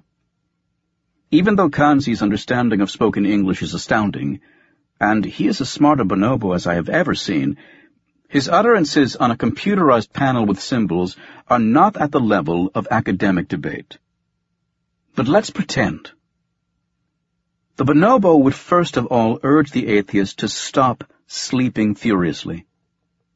There is no point getting all worked up about the absence of something, especially something as open to interpretation as God. True, if being a self-declared atheist carries a stigma, as it unfortunately does in this nation, frustration is understandable. Hatred breeds hatred, which is why some atheists rail against religion and talk as if its disappearance will be a huge relief. Never mind that religion is too deeply ingrained for it to ever be eliminated, and that historical attempts to do so by force have brought nothing but misery. Perhaps it can be done slowly and gently instead, but that would require us to appreciate and value our religious heritage, at least to some degree, even if we regard it as outdated. Perhaps religion is like a ship that has carried us across the ocean, having allowed us to develop huge societies with a well-functioning morality. Now that we are spotting land, some of us are ready to disembark. But who says the land is as firm as it looks? I'm all for a reduced role of religion, with less emphasis on the Almighty God and more on human potentials. This is nothing new, of course. It is the humanist agenda. Nowadays, humanism is often viewed as anti-religious, but this is certainly not how it started. Early humanism did criticize church theology, which it regarded as disconnected from practical life, but it was by and large compatible with Christian values. I should be careful here, though, because calling any values religious is problematic. It rather seems that universal human values have been appropriated by various religions, each supporting them with their own narratives and making them their own. It is only in the 18th century that humanism developed into an alternative to religion, gaining mass appeal by providing an ethical life stance based on reason instead of the supernatural. The fact remains, however, that humanism is non-religious, not anti-religious, Tolerance of religion, even if religion is not always tolerant in return, allows humanism to focus on what is most important, which is to build a better society based on natural human abilities. The outcome is the ongoing experiment in the West of an increasingly secular society. Like that of tectonic plates, the shifting is extremely gradual. Humanity cannot and will not change on a dime, and it's also not as if religion is an alien influence. It is very much our own creation, part of who we are, fully intertwined with our respective cultures. We had better get along with it and learn from it, even if our goal is ultimately to set out on a new course. The bonobo would urge the atheist to take a similar long-term perspective. The good news is that the main ingredients of a moral society don't require religion since they come from within. Despite its emphasis on reason, humanism considers our species a creature as much of passion as of intellect. This is where the bonobo has no trouble connecting. We have the emotions of a social animal, and not just any animal, but a mammal. Previous attempts at biological explanations of human behavior have suffered from too much emphasis on genes and too many comparisons with social insects.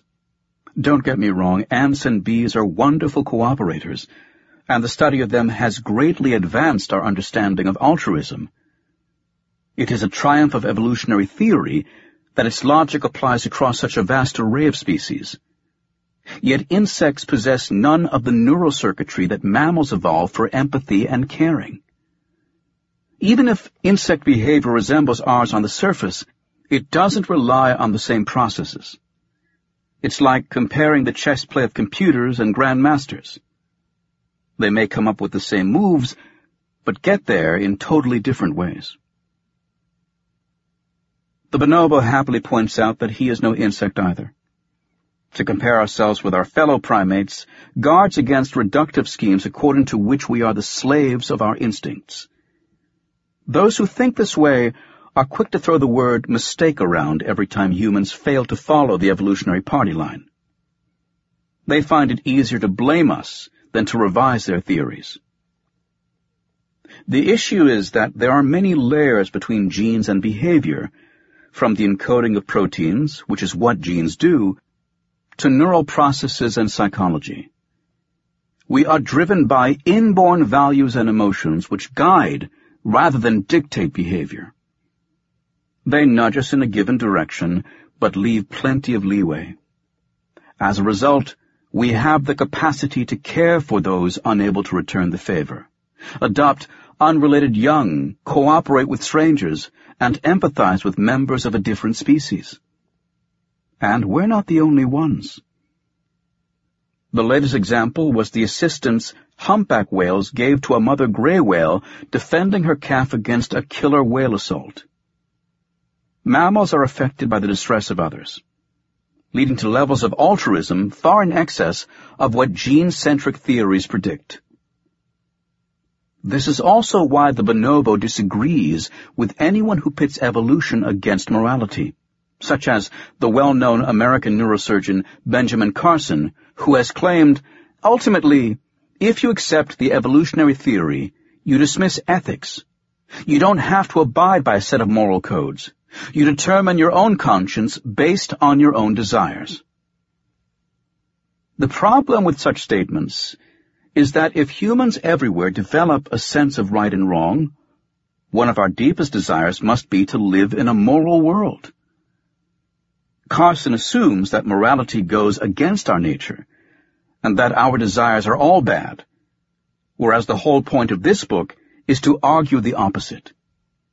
Thank God, if I may, we share with other primates a background as group animals, which makes us value social connections. Absent this background, religion could be preaching about virtue and vice until it became blue in the face. We'd never get its point. We are receptive only because of our evolved grasp on the value of the relationships, the benefits of cooperation, the need for trust and honesty, and so on. Even our sense of fairness derives from this background. Here, the bonobo would side with the atheist and argue that, whatever the role of religion in morality, it's a Johnny-come-lately role. Morality arose first, and modern religion latched onto it Instead of giving us the moral law, the large religions were invented to bolster it. We are only just beginning to explore how religion does so by binding people together and enforcing good behavior. It is far from my intention to minimize this role, which was vital in the past, and may remain so in the foreseeable future, but the wellspring of morality it is not. Finally, The bonobo laughs at the intellectual torture of trying to separate is from ought, which vexes any debate about moral evolution. It is widely accepted within philosophy that we cannot move from the way humans or animals are to moral ideas. The first is descriptive, they say, the second, prescriptive. This is a serious consideration that is not easily resolved, but a good start would be to get our premises straight. If the thought is that animals are mere wantons, lacking control over the impulses that nature has given them, we are on the wrong track. Like us, animals favor certain outcomes and react with fear or violence to any deviation. Who says the bonobo can do whatever he wants? Even with regard to sex, where he faces fewer constraints than we do, he still needs a willing partner, as well as the absence of dominant males. He faces many expectations about his conduct, which others won't hesitate to remind him of as soon as he scares an infant or tries to steal a female's food. Even if he lacks notions of right and wrong that transcend his personal situation, his values are not altogether different from those underlying human morality. He too strives to fit in, obeys social rules, empathizes with others, amends broken relationships, and objects to unfair arrangements. We may not wish to call it morality, but his behavior isn't free of prescriptions either. With this observation, the bonobo concludes his advice to the atheist, whom he sees as a protester rather than an advocate. The big challenge is to move forward beyond religion, and especially beyond top-down morality. Our best-known moral laws offer nice post hoc summaries of what we consider moral, but are limited in scope and full of holes. Morality has much more humble beginnings, which are recognizable in the behavior of other animals. Everything science has learned in the last few decades argues against the pessimistic view that morality is a thin veneer over a nasty human nature. On the contrary, our evolutionary background lends a massive helping hand, without which we would never have gotten this far. This has been an Audible Inc. production of The Bonobo and the Atheist, written by Frans de Waal, narrated by Jonathan Davis, producer Mike Charzuk. Copyright 2013 by Frans de Waal. Production copyright 2013 by Audible Inc.